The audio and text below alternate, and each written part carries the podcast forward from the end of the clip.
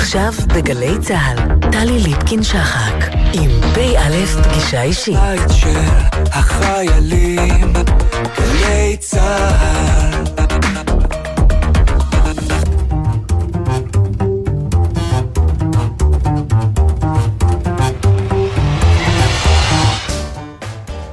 שלום לכם, שבוע טוב לכם. פא' פגישה אישית משולשת בסופו של שבוע סוער, שוטט דמם של אזרחיות ואזרחים ערבים, מתוח ביטחונית, מעובה לחות. על סיפו של שבוע חדש, כשמערכת הבחירות מתחממת, הפוליטיקאים ממשכנים את ערכי היסוד לחברה מתוקנת בעבור חופן אחוזים בסקרים. בסקרים, מדעני הספין ואשפי הרשת מבצעים השתלטות עוינת על השיח, על התודעה, על המרקם החברתי העדין. פגישה אישית משולשת בסופו של עידן, העידן האליזבטני בממלכה המאוחדת.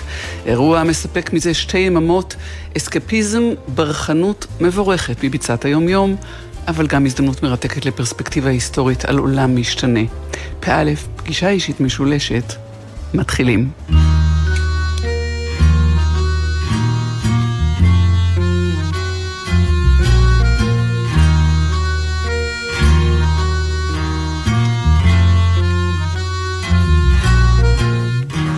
Pardon in your hair, it's hardly ever there. Wash your face, shabby in your dress. Always look a mess, don't you care? Mom is there to see you, always look your best. Change your dirty vest, when you grow you'll be a king. Never do a thing. Four and twenty blackbirds sing along royal gifts they all will bring. When you are a king, everywhere you go, people bowing low, carriages to take you anywhere. Feet won't ever touch a thing. When you are a king.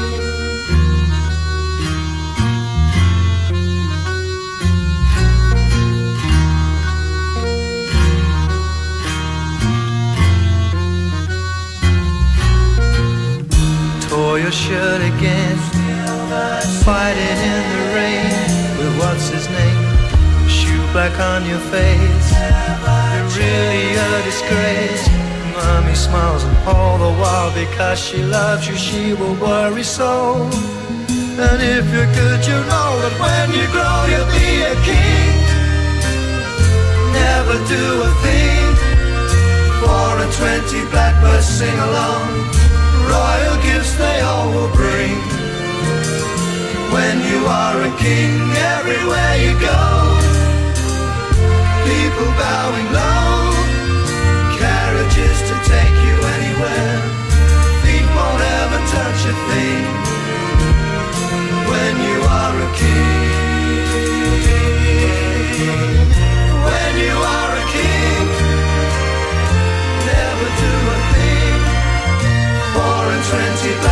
sing along.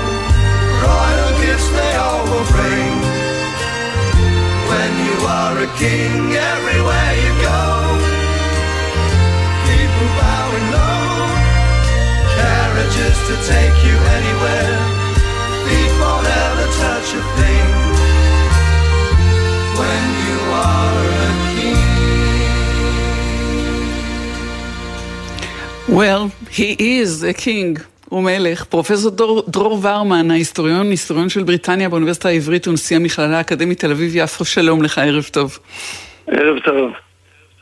אכן, צ'ארלס השלישי הוא מלך. אנחנו יומיים מרותקים למסכים כאילו, כאילו אין רעב נוראי בסומליה ומקומות אחרים בעולם, הפרת זכויות אדם, רדיפות, מלחמות גדולות, מלחמת קיום יומיומית של האדם הקטן. יומיים אנחנו עוקבים שם אחרי הדרמה הזאת, שלב אחרי שלב, היום עמוס טקסים, הכרזה ואישרור למלך צ'ארלס השלישי.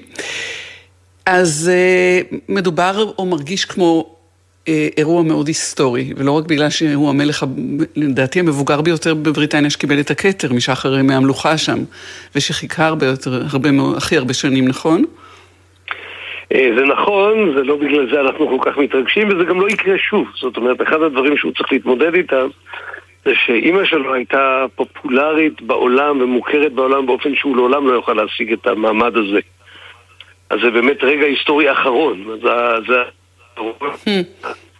של, את יודעת, British greatness, של הגדולה הבריטית, עוד משהו שנשאר עוד מימי האימפריה, אה, ואנחנו יכולים להניח שכשהוא ילך לעולמו, וזה לא ייקח עוד 70 שנה, אה, כן, אנחנו שומעים אותך מקוטע, אנחנו נשפר את ה... תשפר עמדות. אני בינתיים אגיד שאם okay. אנחנו אוקיי. מדברים במונחים אה, קטנים של אירועים, של פיסות היסטוריה, אז ממש בשעה האחרונה הנסיך וויליאם עם, עם קייט ו... הארי עם מייגן יצאו יחד מווינזור קאסל ופגשו את ההמונים והפתיעו גם את התקשורת ואת כולם כשהם יצאו ארבעתם, עוד רגע היסטורי. אבל אם אנחנו מעבר למה שמפתה מאוד לעסוק בקטנות, אז בואו נדבר רגע, ואתה היסטוריון, אז ניתן, לך, ניתן להיסטוריה ולהיסטוריונים את הכבוד המגיע להם. במה הוא היסטורי במובן העמוק, התהליכי? או שאולי מוקדם מדי לדעת? אה, קודם כל, שוב, כולם מדברים על זה שאת יודעת, 70 שנה היא שם, לכן זה היסטורי במובן הזה שהיא היא מגלמת רגע, והרגע, ואין לנו עוד דברים כמוה.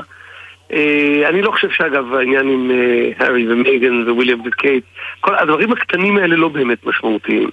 לא, ברור, זה קשקוש. עד כמה האירוע הזה כשלעצמו הוא באמת היסטורי במובן העמוק, ולא רק התהליכי. יש פה משהו מעניין בתגובה של העולם, בתגובה של הבריטים בעיקר, אז אלה שבחוץ. הרעיונות בשעות אחרי שהודיעו שהיא הלכה לעולמה, כולם השתמשו במונחים של הלם ותדהמה ומה קרה לנו, באמת בשוק עמוק. את חושבת, אישה בת 96, מה בדיוק, what were they thinking? זאת אומרת, הרי זה היה, לא היה אירוע יותר צפוי מזה להפך, הוא קצת התעכב יותר אולי ממה שאנשים חשבו, אבל לא היה אירוע יותר צפוי מזה בהיסטוריה של המלוכה מאשר זה שהרגע הזה יגיע. אה, ואני חושב שהתדהמה הזאת אה, היא, היא במידה רבה עונה לשאלה שלך, כי התדהמה הזאת היא לא על מותה של אישה בת 96, לא לכשעצמו, אלא על רגע של מות מלכות. והתפיסה הזאת של מלוכה לא עזבה אותנו עד הסוף, למרות שאנחנו מודרניים ולמרות שהמושג, המונח ארכאי, אה, מלך מגלם שני דברים, מגלם גם את ה... את ה...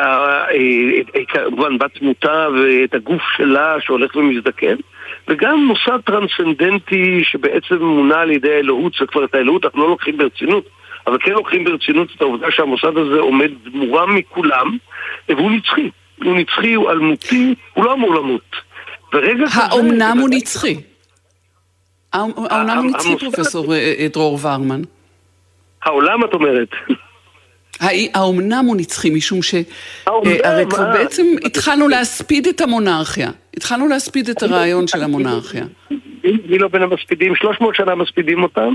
הפעם האחרונה שכולם הספידו אותם במרץ רב היה כשהמלכה אליזבת עלתה לשלטון. אה, לפני 70 שנה, והיה סדרה שלמה של מאמרים בעיתונות על איך הממלכה לא תשרוד את זה. היא עמדה לפני אתגרים קשים לא פחות ממנו. האימפריה הבריטית התפרקה לה בין האצבעות, ממש כשהוא בעודה צעירה בת 25. אה, הגדולה הבריטית ההיא שדיברתי עליה בהתחלה נעלמה אז. אני חושב שהמונרכיה הבריטית היא, חז... היא הצליחה להוכיח עמידות יוצאת דופן אה, מפתיעה ביותר. כל המונרכיות האירופיות האחרות פחות או יותר התאדו זאת אומרת, הן קיימות, אבל mm-hmm. מי זוכר אותן? מי יודע את השם של מלך אה, נורבגיה או בלגיה או מי שלא יהיה? זאת אומרת... מי ידע שיש שם מלך? אני... פחות או יותר. כן. אז זה בדיוק העניין, את יכולה לפגוש אותו נוסע באופניים, אם זה המלך ההולנדי, אולי הוא לפעמים הטייס שלך בכלם, אבל בעצם זה לא... הם הצליחו במשהו שאני חושב שהוא סגולה, הוא לא סגולה, הוא יכולת של המלוכה הבריטית כבר 300 שנה לפחות, ויהיה מי שיגיד מימי הביניים, וזה להתאים את עצמם למגבלות הכוח שלהם, וכל פעם לוותר, לשחרר כדי לשמור, כאילו להתקפל כדי לא להישבר. אז אני לא יודע שהם נצחיים, את יודעת, אנחנו, יש לנו בעיות אה, אחרות לשאלת הנצחיות, אבל אני ודאי לא חושב שאנחנו צריכים להספיד אותם, או שצ'ארלס השלישי יהפוך להיות צ'ארלס האחרון. אני חושב שזה... זו ראייה קצרת רועי שבונה על זה, את יודעת, יש הרבה מאוד כל סקרי דעת הקהל אומרים שהוא לא פופולרי, זה נכון. ושהבן שלו ווילים יותר פופולרי ממנו, והוא בכלל, mm-hmm. עושים את זה. תחרותי במקום שביעי נגיד במשפחת המלוכה, זה הכל נכון. אבל א', אף אחד לא עשה סקר כשהוא כבר יושב עם כתר על הראש, והכתר מאוד משנה את הבן אדם, הוא כבר לא מספר 2, הוא מספר 1. כל המחויבות הבריטית למוסד הזה עכשיו מגולמת בו, לא במישהו אחר. אה, והאנגלים הם באמת אלופי העולם במסורות. אה, הם אלופי לא- העולם. כן. לא, לא, הם אלופי העולם. המעקב אחרי הטקסים היום זה באמת אה, מופע מרהיב של מסורת אלגנטית שיודעת גם להתחדש. היא יודעת להתחדש, אבל בעיקר ההתחדשות היא חלק מהכוח שלה. זאת אומרת, יש, לא הרבה אנשים יודעים שהאנגלים עם כל המבנה החוקתי הקונסטיטוציוני הזה, אין להם חוקה כתובה.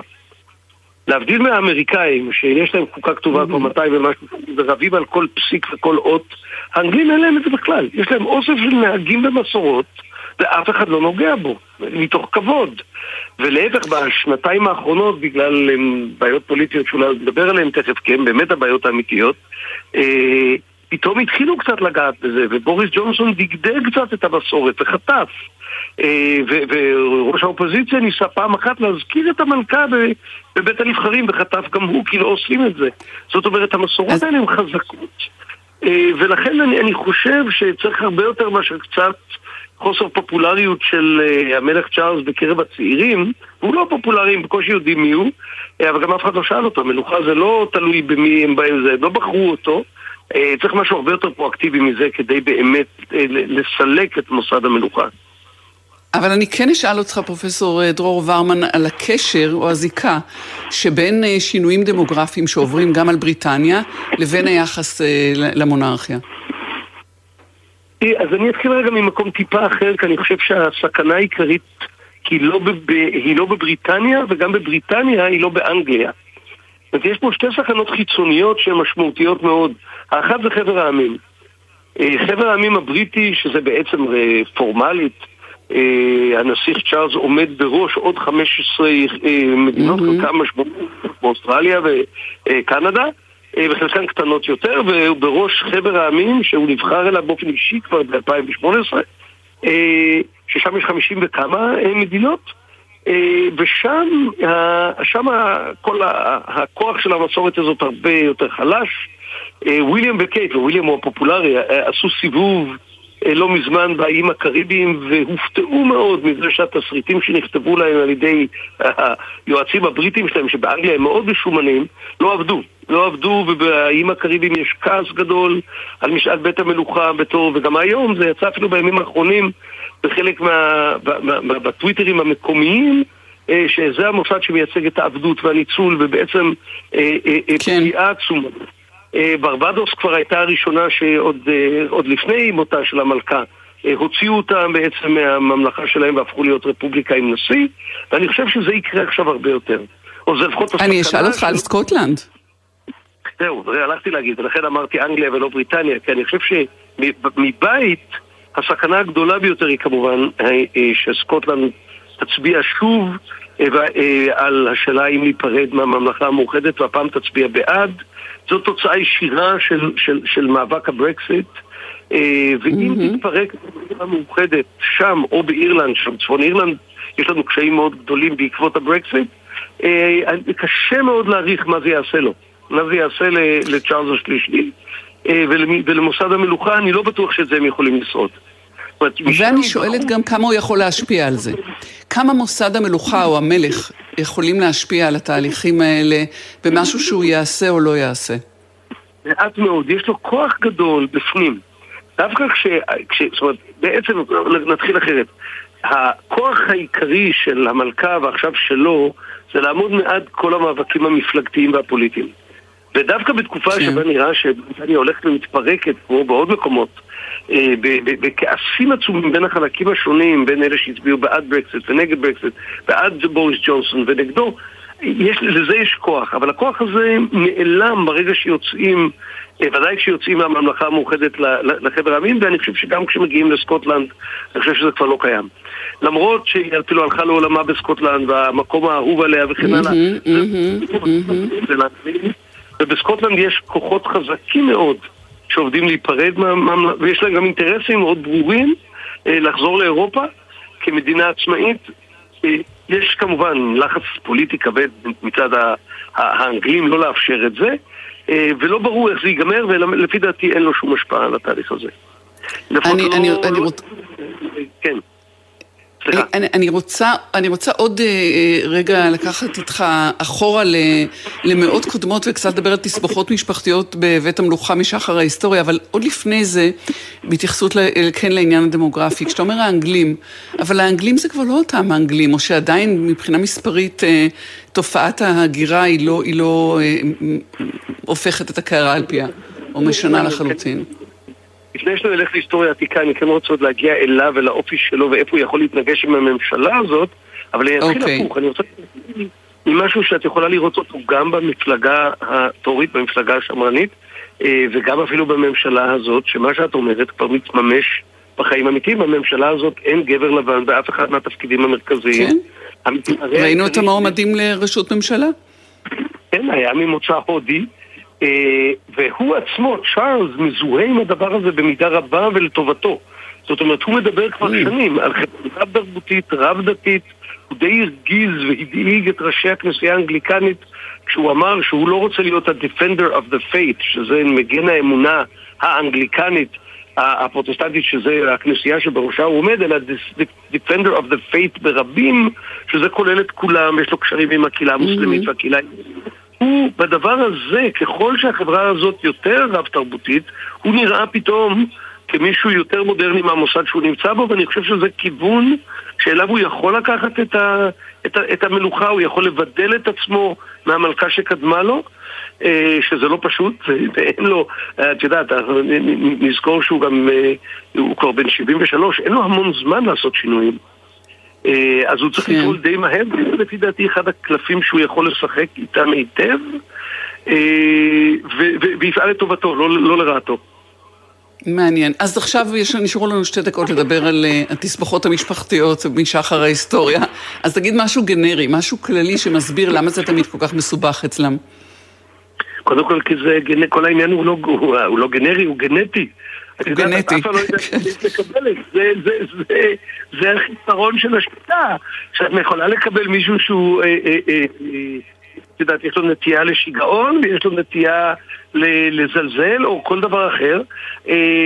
אצל צ'ארלס, אני, אני, אני, את אומרת שנשארו לנו שתי דקות, אני, יש פה משהו אחד שאני עוד רוצה לומר. אפילו לא. כן, אז תאמר.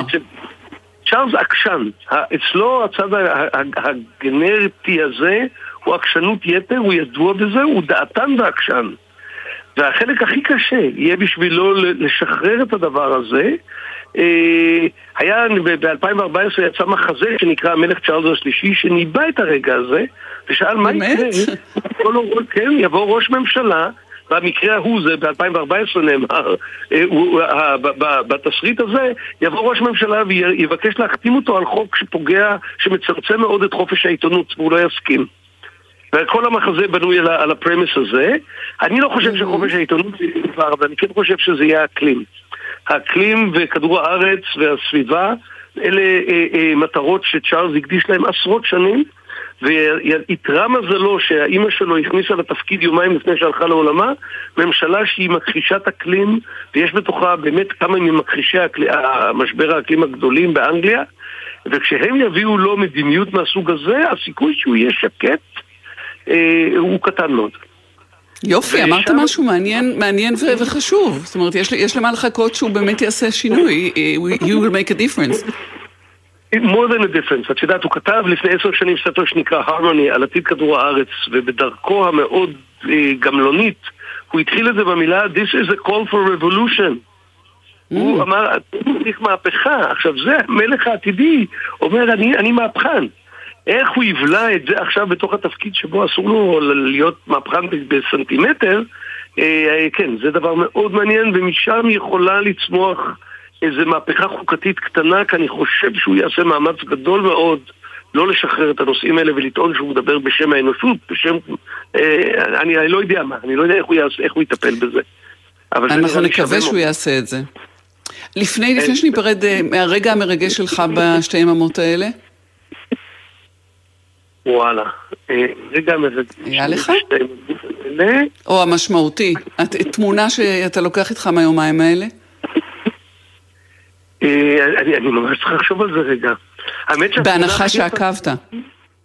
לא, אז אני עוקב, אני עוקב לא אחרי כל פסיק, אני, אני, לא, אני, אני, אני לא אנגלופיל במובן הזה שכל הפסיקים מעניינים, אבל הדבר הכי יפה שראיתי היה המון רב בלונדון ברחוב בצילום, שרואים תמונה שלה בצעירותה ובזקנתה את המלכה, אה?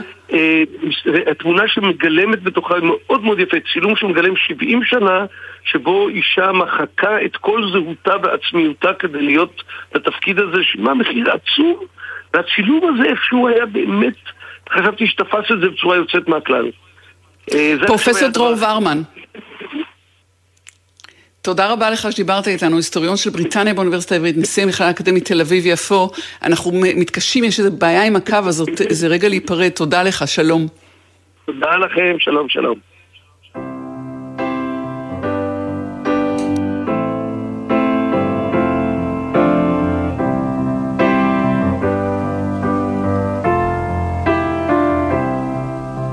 I find myself in times of trouble Mother Mary comes to me, speaking words of wisdom, let it be.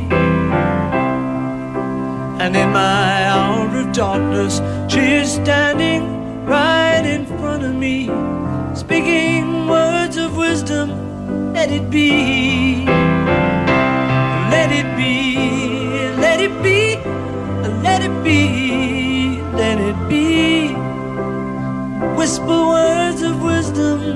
let it be. And when the broken hearted people living in the world agree, there will be an answer, let it be. For though they may be parted, there is still a chance that they will see. There will be an answer, let it be. Let it be.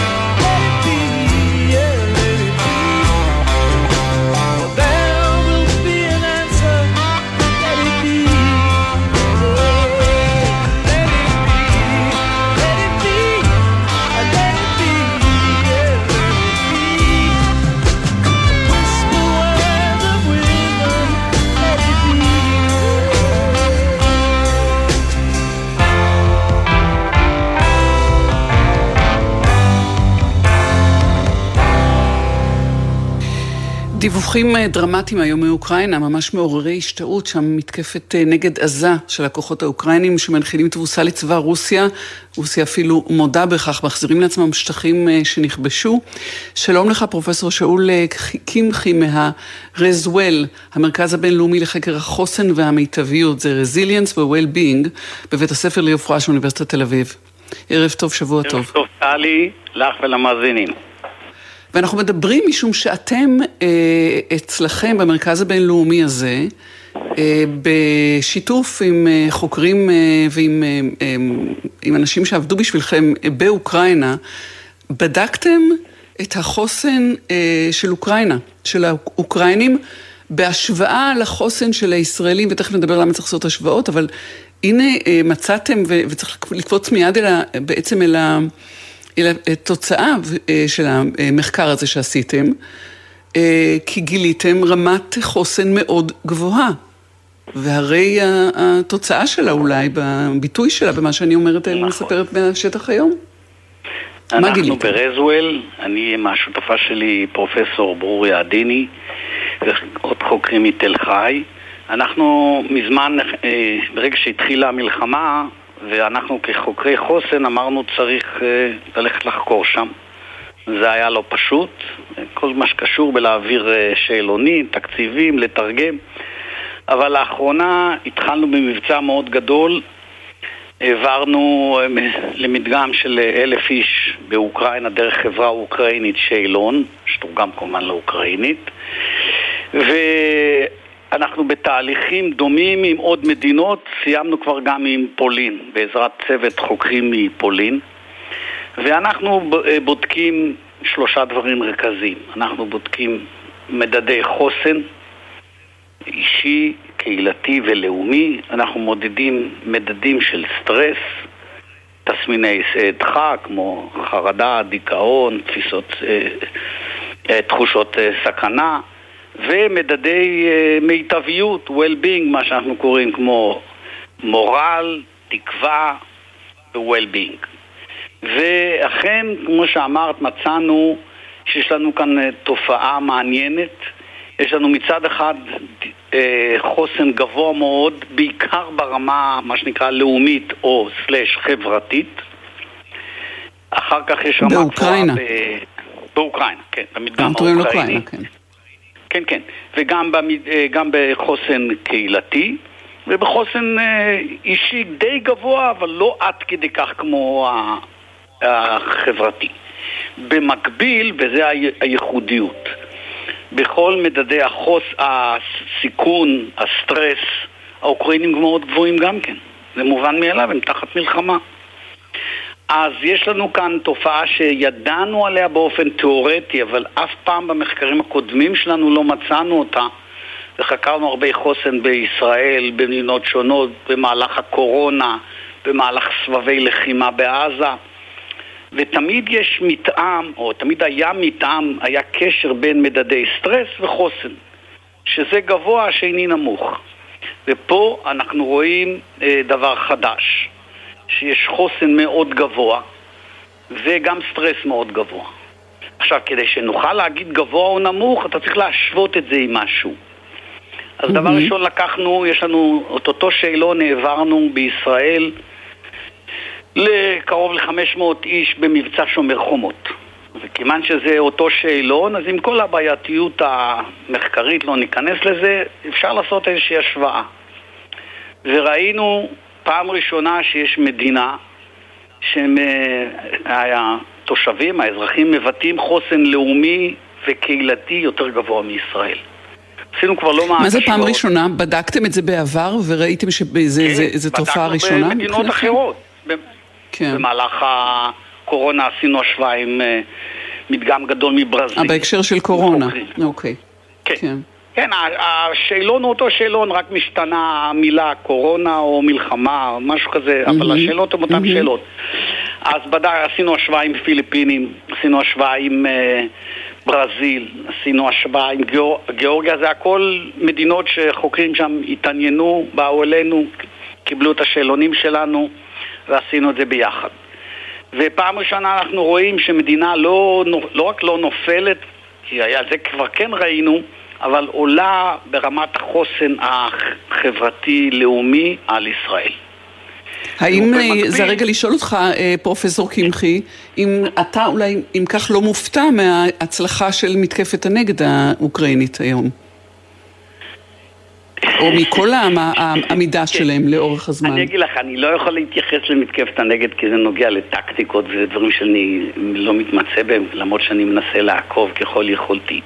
מה שאני לא מופתע זה היכולת והעמידות של האוקראינים ופה לדעתי הטעות הגדולה, אם מותר לי להגיד, למרות שאני אינני היסטוריון, פוטין ואנשיו ויועציו טעו טעות קשה מאוד הייתי אומר במרכאות בהבנת הנקרא.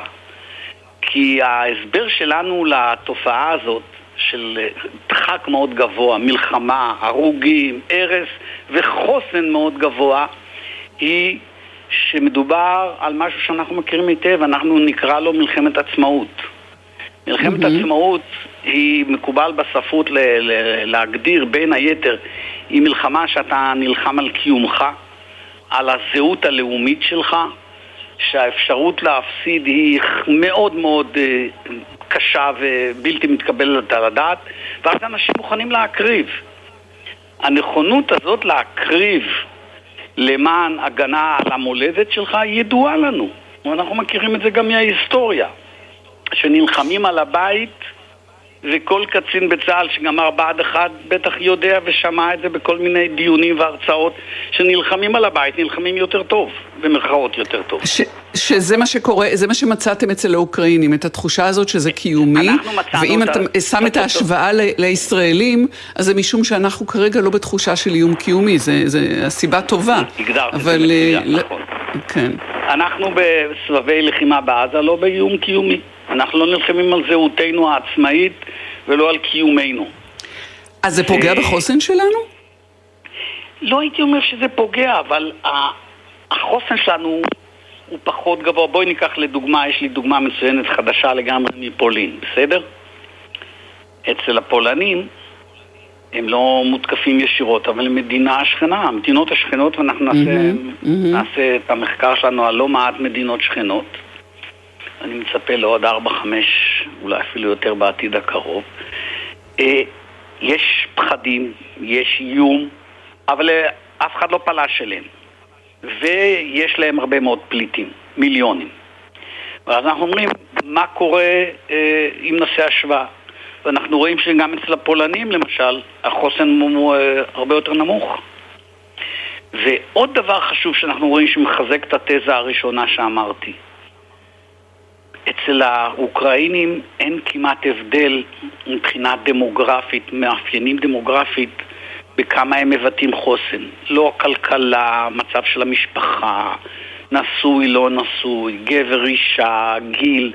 יש אחידות מאוד גבוהה כן, של כלל האוכלוסייה. אצל הפולנים אנחנו מיד רואים, וזו אותה מלחמה, שיש הבדלים בין אישיים על רקע דמוגרפי כן. מאוד גדולים. דרך אגב, גם בישראל טוב, כמובן.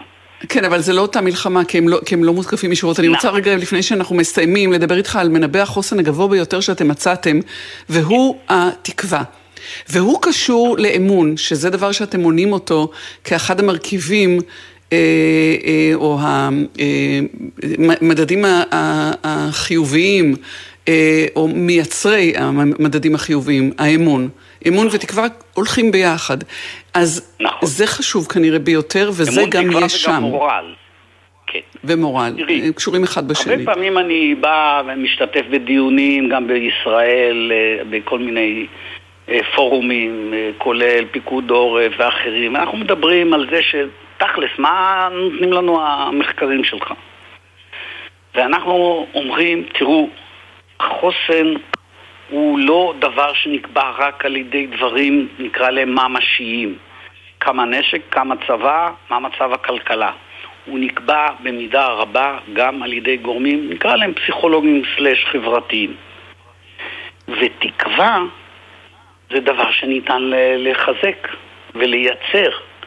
השאלה אם המנהיגים או מקבלי ההחלטות מודעים לזה שלהיבט הזה, נקרא לו הפסיכולוגי-חברתי, שיכולת עמידות היא בעובדה אצלנו, מנובט הכי טוב על ידי תקווה, ואחרי זה well-being ומורל, ורק אחרי זה על ידי כן. כלכלה ועוד דברים אחרים. ולמוס, לד, לדבר הזה, לעניות דעתי, יש משמעות מאוד מאוד חשובה. אני רוצה לפני שניפרד לומר משפט על אה, אה, השימושים במחקר הזה שלכם, העתידיים, כי מלחמה כן או לא, אמרת אה, קורונה, אבל גם משבר האקלים.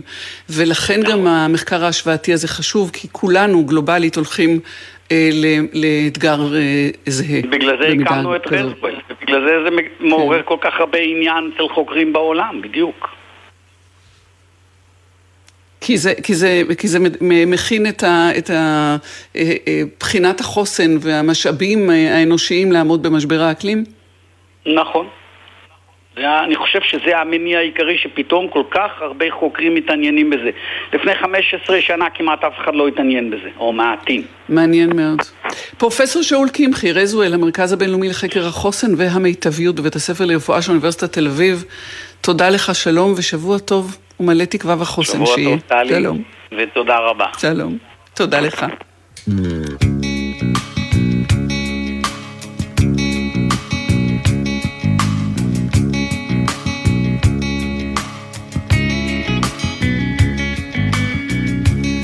לכל צעקה שתצעק מאיש, מישהו באיזה מקום ירגיש. לכל שאלה שמחכה לתשובה, מישהו מנסה לגלות אותה. בכל סיפור, בכל עולם, מישהו מגלה שם את עצמו קיים. בכל שורה שמישהו אומר, מישהו יכול עוד שורה לחבר.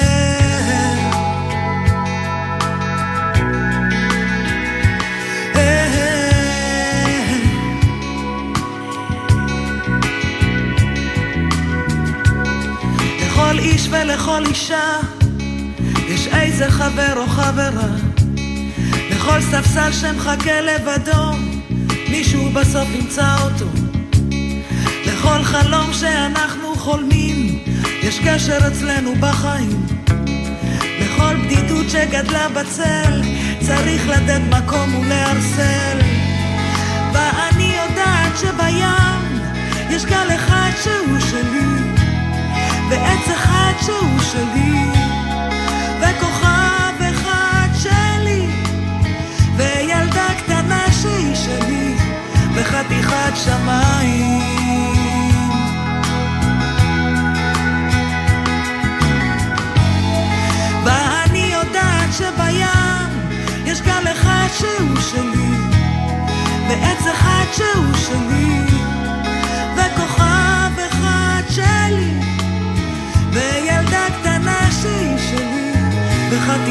שמיים.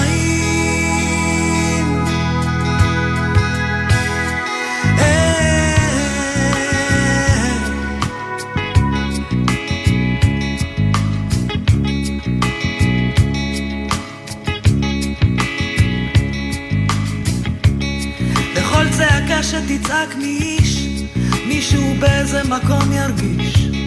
לכל שאלה שמחכה לתשובה, מישהו מנסה לגלות אותה. בכל עולם, מישהו מגלה שם את עצמו קיים. בכל שורה שמישהו אומר, מישהו יכול עוד שורה לחבר. ואני יודעת שבים יש גל אחד שהוא שלי. ועץ אחד שהוא שלי,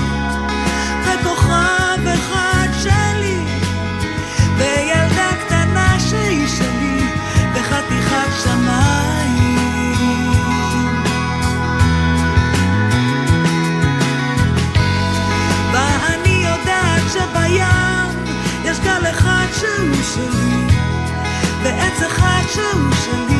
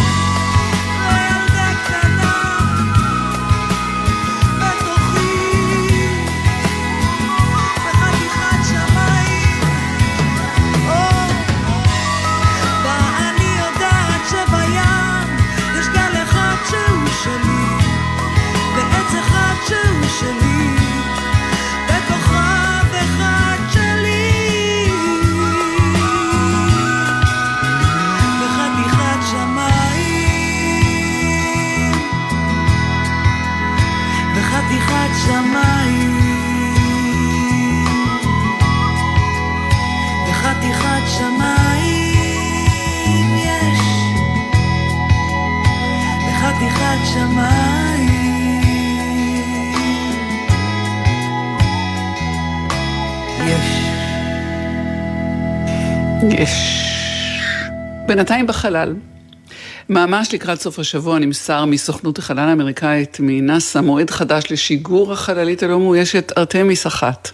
כנראה 23 בספטמבר. אילת הציד והירח, התאומה המיתולוגית אה, של אפולו, אמורה להבקיע לשלב הבא ביישוב בני אדם על הירח אחרי 50 שנות היעדרות, עם הפנים בלוח זמנים מרווח, 2024 עם, אה, אני זוכר, 2040 אולי, או 2030, תכף אתה תעזור לי למאדים. אה, שלום, שלום רב לך, אורי אביב, מנהל עמותת אוטופיה למדע בדיוני ולסיפורי עתיד. ערב טוב. שלום ושבוע טוב, אהלן. אז המסע בין כוכבים לא כופה על שמריו, למרות עיכובים ותהפוכות במרוצות השנים, במרוצת השנים, כי אה, אה, לא רק שהמסע בין כוכבים נמשך, אלא ביום חמישי גם מלאו 56 שנים לשידור הפרק הראשון בסדרה, מסע בין כוכבים. מסע בין כוכבים. תופעה, תופעה תרבותית חסרת תקדים בהיקפה, Star Trek. אה, שם הגבולות בין המציאות לדמיון מטשטשים אי פעם. אתה אה, היית ממקימי Starbase 972, שהיה מועדון חובבי מסע בין כוכבים הישראלי הראשון, נכון? אמת ויציב. ואני אתחיל בגילוי נאות שאני לא צרכנית של מדע בדיוני, אבל ממש לא, אבל היי, הגבולות מטשטשים בין מציאות לדמיון, כבר אמרנו. או בדיון, בדיון, לא דמיון, ועל זה נדבר. אני משוכנע שאת ת- כן. אני, אני מוכן כן? אפילו ל- ל- להסיט את הדיון לנושא הזה ספציפית. הוא יותר, הוא לא. מעניין לא פחות. לא נדבר עליי, אבל נדבר על זה שלא כולם חובבי מדע בדיוני, ובכל זאת אין מישהו שלא יודע מה זה מסע בין כוכבים. ומה, אם, אם במשפט או בנקודה צריך להגיד מהו סוד הקסם, ולחבר את זה לפתיחה שלי על ה-23 בספטמבר, על ארתמיס אחד, ארתמיס אחת, שעולה ל- סוף סוף תעלה אחרי אה, תקלות. אני קודם, אה, מן הסתם, אה, אתחיל מהסוף ואומר שלמי שרוצה להעמיק, לקרוא, לשמוע ולראות עוד, אני מזמין אותו אה, לגגל פסטיבל אוטופיה, או בגוגל או בפייסבוק, ויש שם לא מעט רובוטים, חייזרים, חלליות ומסעות בין כוכבים, אבל לא רק. אה, ולשאלתך, אה, מסע בין כוכבים זו אה, סדרה מכוננת אה, בהיסטוריה הטלוויזיונית. אה, מיסטר ספוק הוא אחת הדמויות האיקוניות אה, ברמה של אה, הפופ קלצ'ר של המאה ה-20. אה, זה האיש והאוזניים. ולכן הוא מזוהה, אבל את יודעת, גם אלוויס מזוהה מסיבות, מסיבותיו שלו וגם אה, הביטלס.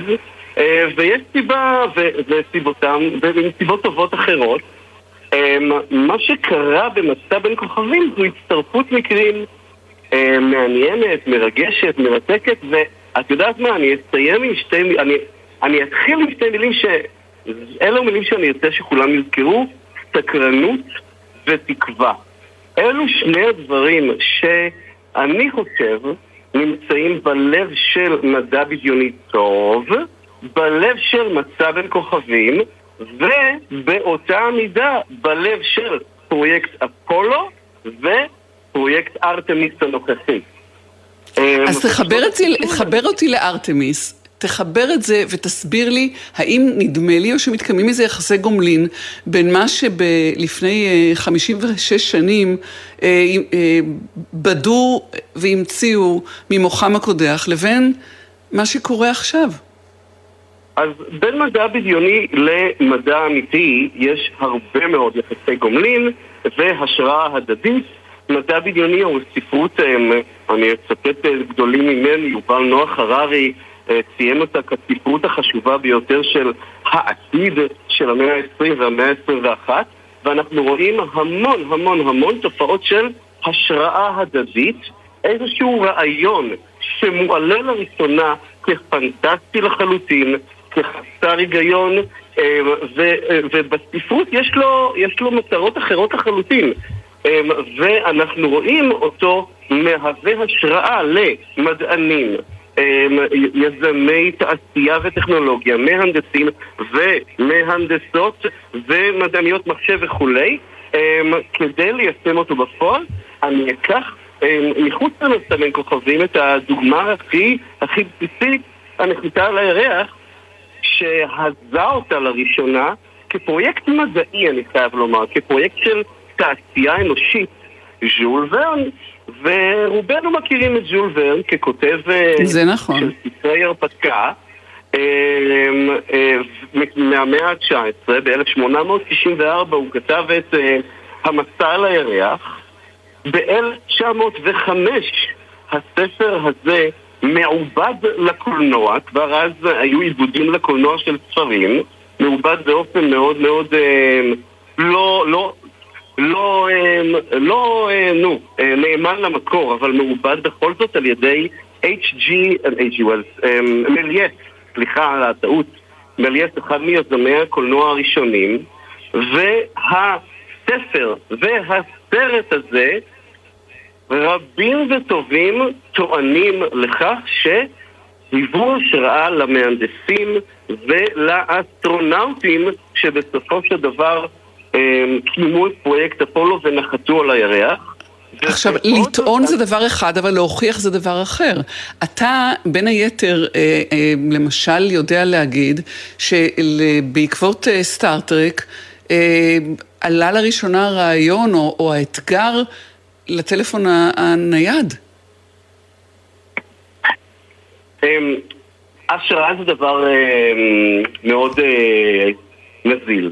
אני לא יכול לטעון, אני יכול רק לומר מה אנשים אמרו בזמן שהם אמרו את זה, ואכן מרטין קופר, אחד היזמים הראשונים ומהנדס, אני מקווה שאני זוכר נכון, מוטורולה, ב-1973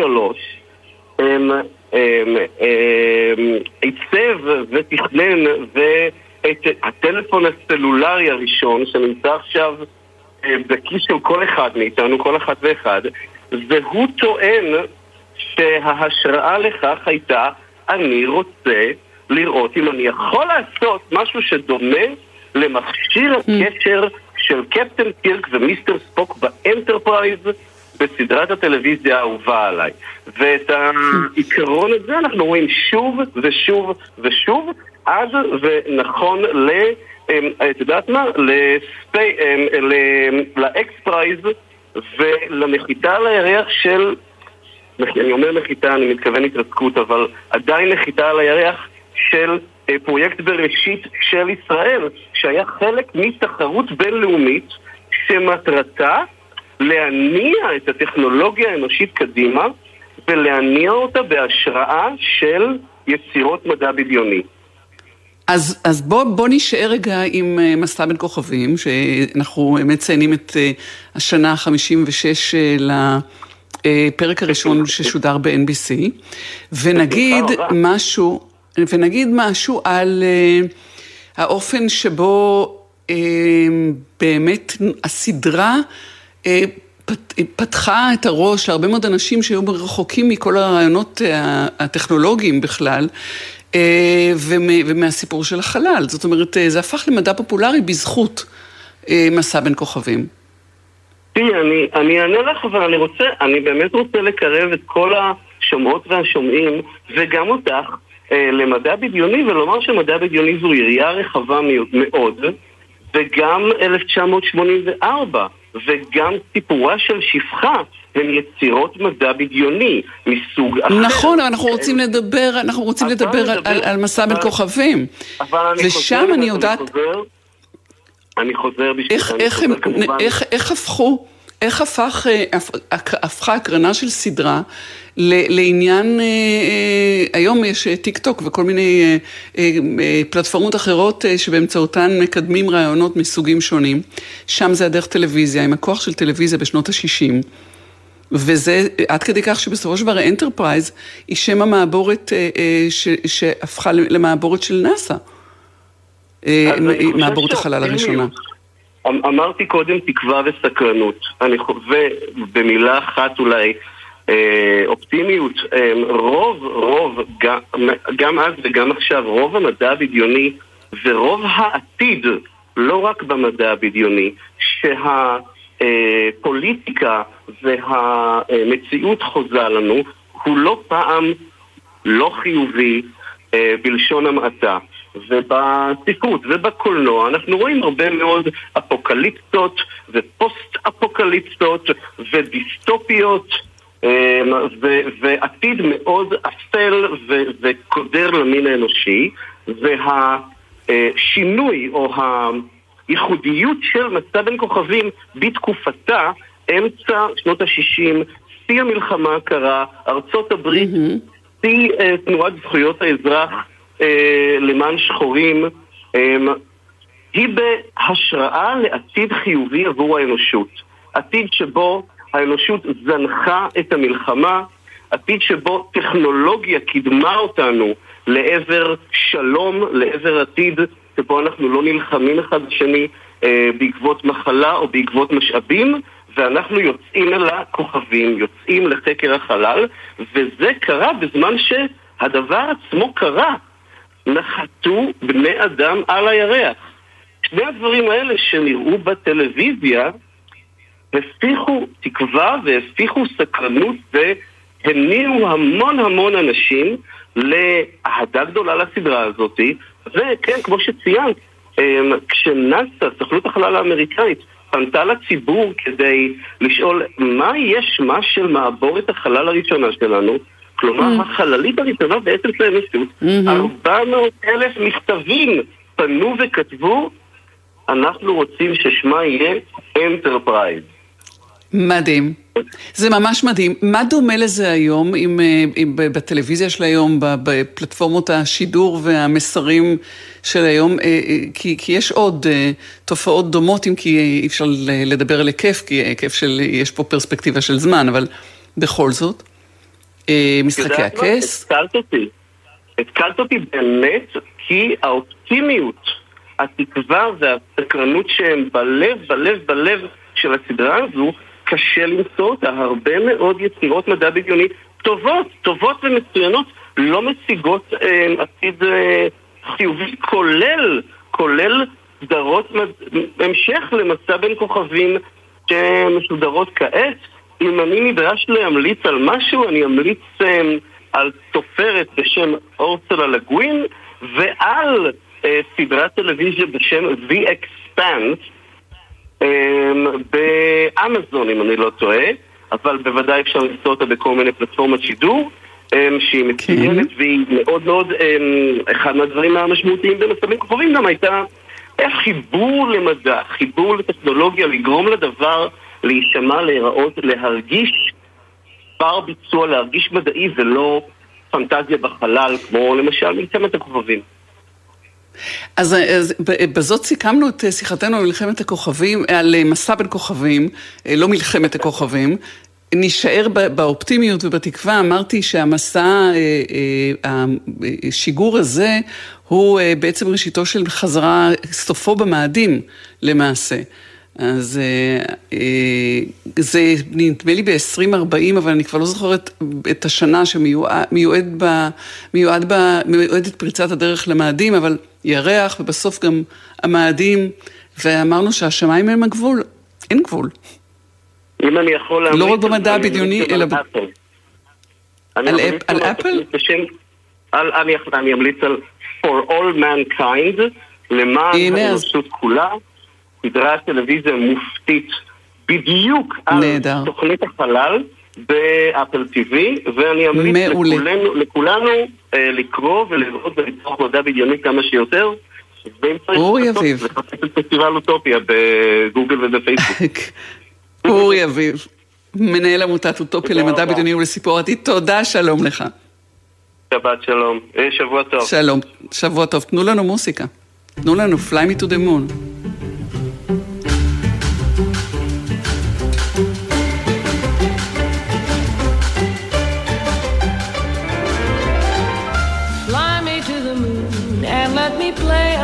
Stars.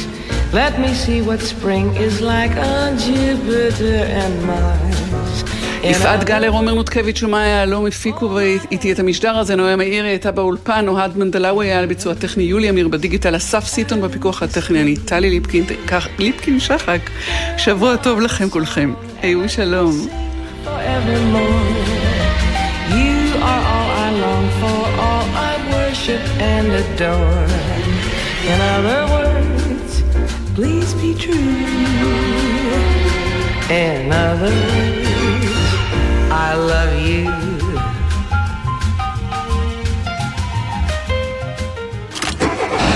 נשמע, נשמע, סוף השבוע,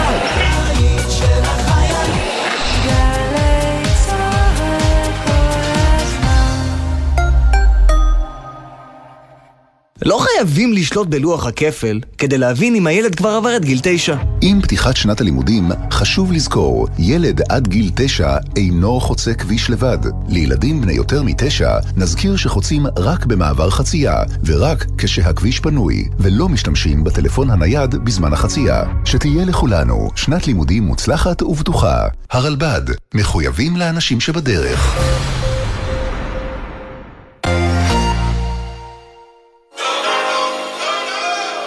השינוי האבטחה, בעצם גם לך וגם לראש הממשלה לשעבר ברק, צמצמו מאוד את האבטחה. כמה זה מפריע לך? אתה מעלה בדעתך שמישהו יעז להתקרב לברק, וברק לא, לא יחסל אותו על המקום? ספי עובדיה ויניר קוזין, ראשון עד שלישי בשמונה בבוקר, רק בגלי צה"ל. אתם מאזינים לגלי צה"ל.